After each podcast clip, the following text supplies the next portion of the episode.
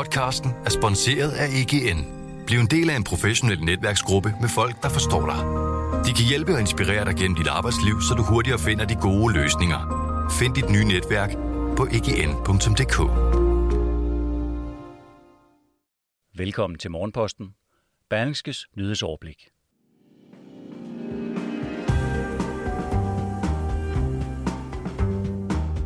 Morgenposten tager både hul på en ny måned og en ny uge.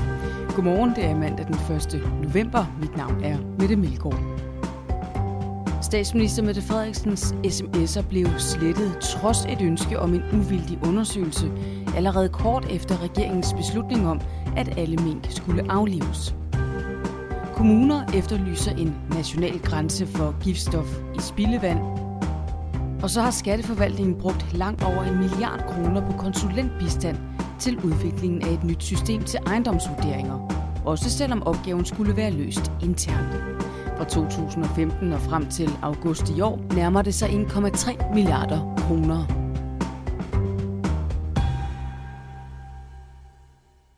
Allerede en uge efter, at regeringen havde sat avler til at aflive alle mink, stod det klart, at et flertal i Folketinget ønskede at undersøge forløbet omkring minksagen.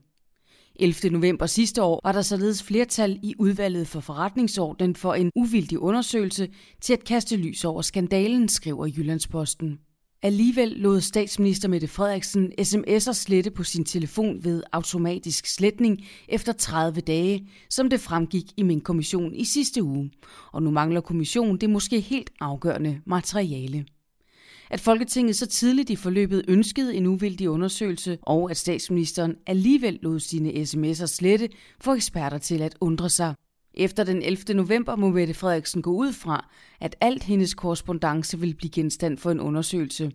Det gør, at man skal være særlig omhyggelig med journalisering fra på det tidspunkt, siger juraprofessor i forvaltningsret på Syddansk Universitet, Frederik Våge til Jyllandsposten. Vi bliver ved Jyllandsposten, der også skriver om giftstof i spildevand. Kommuner og partier efterlyser nemlig en national grænseværdi til forskel for i dag, hvor det er op til den enkelte kommune at beslutte, hvor meget af det giftige fluorstof PFOS, der må være i spildevand.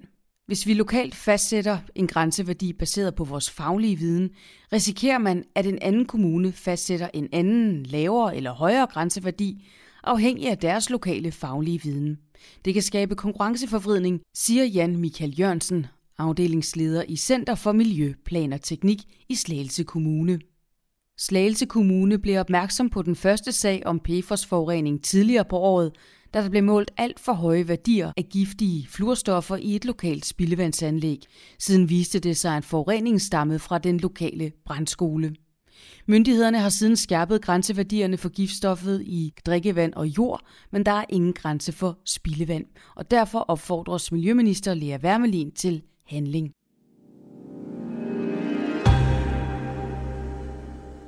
Enhedslisten i København har gennem de seneste år været indet modstander af den nye kunstige halvø, Linetteholm.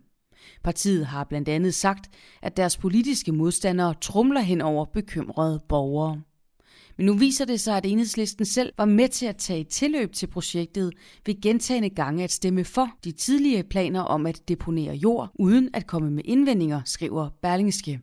En gennemgang af mødereferater viser, at der allerede blev taget tilløb til Linetteholm i juni 2015 af Teknik- og Miljøforvaltningen i København, mens enhedslistens Morten Kabel sad for bordenden som borgmester for området.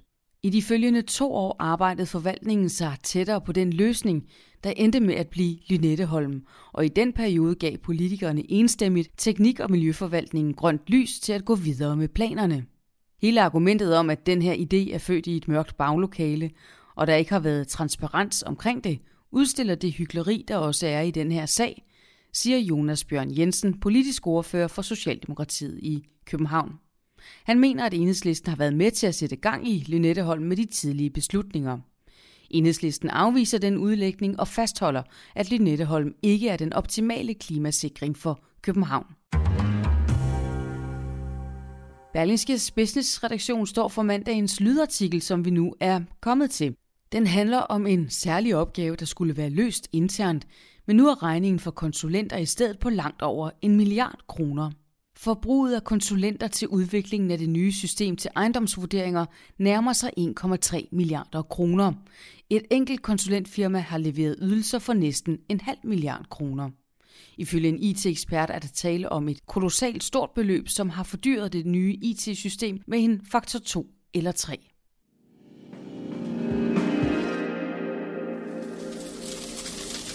Udviklingen af det nye ejendomsvurderingssystem har været en indbringende forretning for statens faste advokat, Kammeradvokaten, der siden 2015 har leveret rådgivning i forbindelse med projektet for over 120 millioner kroner.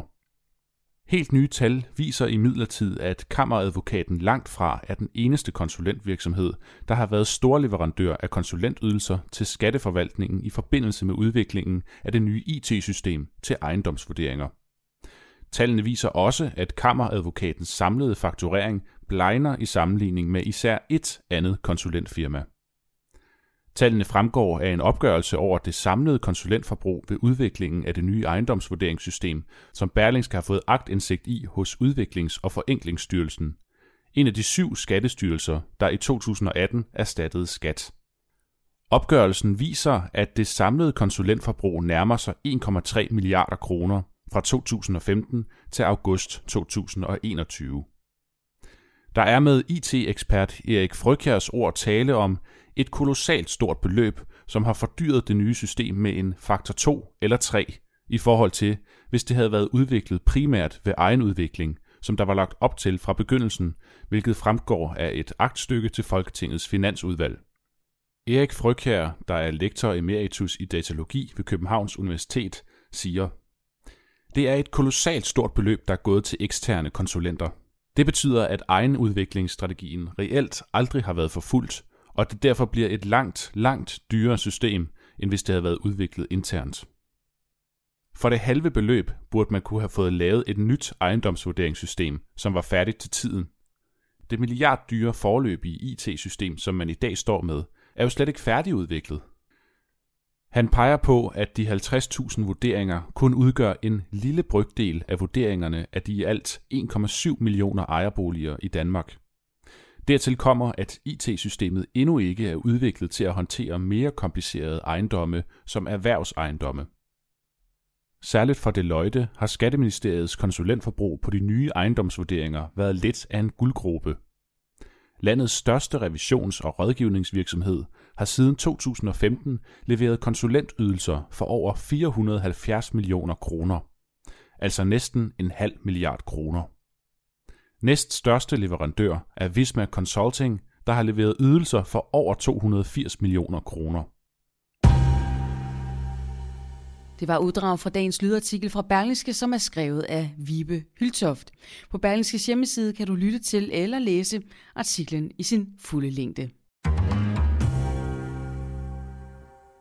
Ved det seneste kommunalvalg i 2017 skiftede 12 kommuner fra en V-borgmester til en S-borgmester, og siden da er det overordnet gået en vej for erhvervsklimaet, og det er nedad. Og en entydig sammenhæng på tværs af alle landets kommuner gør, at flere eksperter ikke længere er i tvivl. Det betyder noget, hvor du sætter dit kryds, hvis du ønsker gode vilkår for din virksomhed. En ny analyse, som Berlingske har fået udarbejdet på baggrund af historiske tal fra Dansk Industri, viser først og fremmest, at kommuner ledet af en venstreborgmester i alle år siden 2010 gennemsnitligt er bedre vurderet af erhvervslivet end tilfældet for socialdemokratiske kommuner. Og ifølge kommunalforsker ved Danmarks Medie- og Journalisthøjskole, Roar Buk, må det være første gang nogensinde, at der laves en sådan kobling mellem kommunernes erhvervsvenlighed og borgmesterens partifarve. Det her er ret interessant, for resultaterne er i modstrid med det, som jeg ellers plejer at sige omkring de her undersøgelser af erhvervsklima, nemlig at de skyldes strukturelle forhold, siger kommunalforskeren.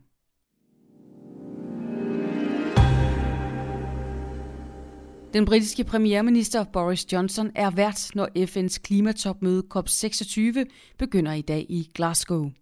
Søndag afsluttede premierministeren et G20-topmøde i Rom for verdens 20 største økonomier ved at fastslå, at verdens store lande byder ind med alt for lidt, hvis det skal lykkes at begrænse stigningen i den globale opvarmning til højst 1,5 procent.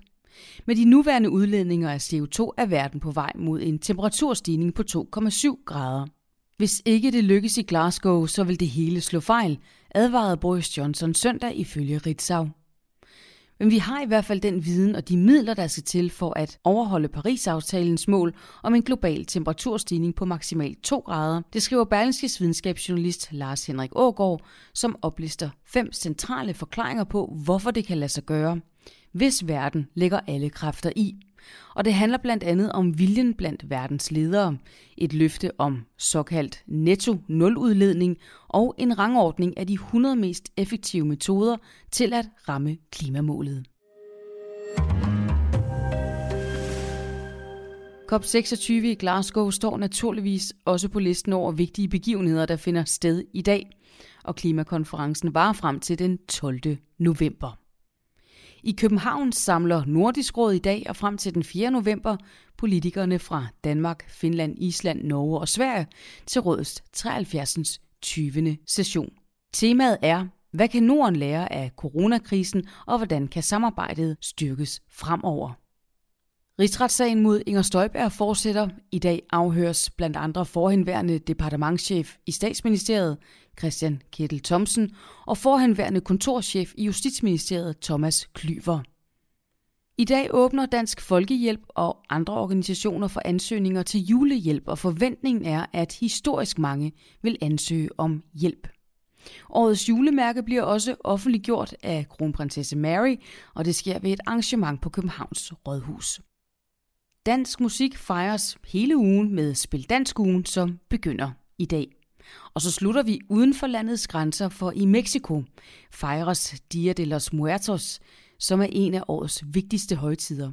Her er elgamle prækolumbianske ritualer smeltet sammen med den katolske Allehelgen til en livsbekræftende fest for de døde, hvis sjæle for et par dage kaldes tilbage til de levendes verden for at nyde alle de ting, de holdt af, da de var i live.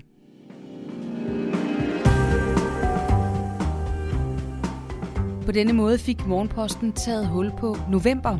Senere i dag er der også nyt fra podcasten Pilestræde. På genhør i morgen tidlig, og så må du have en rigtig god mandag.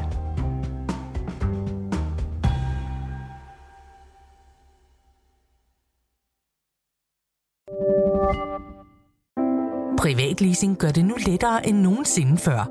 Når det kommer til elbiler, er Polestar 2 en sand stjerne på himlen – med privatleasing af Polestar 2 får du ikke kun glæden af at køre en topmoderne elbil, men også fordelene ved lave driftsomkostninger lige fra dag 1. Du slipper for bekymringer om vedligeholdelse og service, for alt er inkluderet i den faste månedlige pris. Oplev friheden ved privatleasing af en Polestar 2. Besøg polestar.com.